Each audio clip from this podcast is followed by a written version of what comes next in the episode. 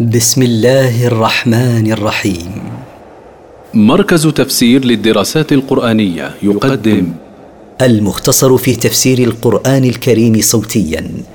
برعاية أوقاف نوره الملاحي. سورة النصر مدنية من مقاصد السورة.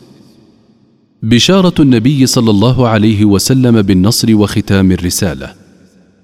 التفسير. إذا جاء نصر الله والفتح. إذا جاء نصر الله لدينك أيها الرسول وإعزازه له وحدث فتح مكة. ورأيت الناس يدخلون في دين الله أفواجا.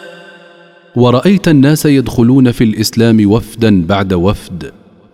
فسبح بحمد ربك واستغفره إنه كان توابا. فاعلم أن ذلك علامة على قرب انتهاء المهمة التي بعثت بها.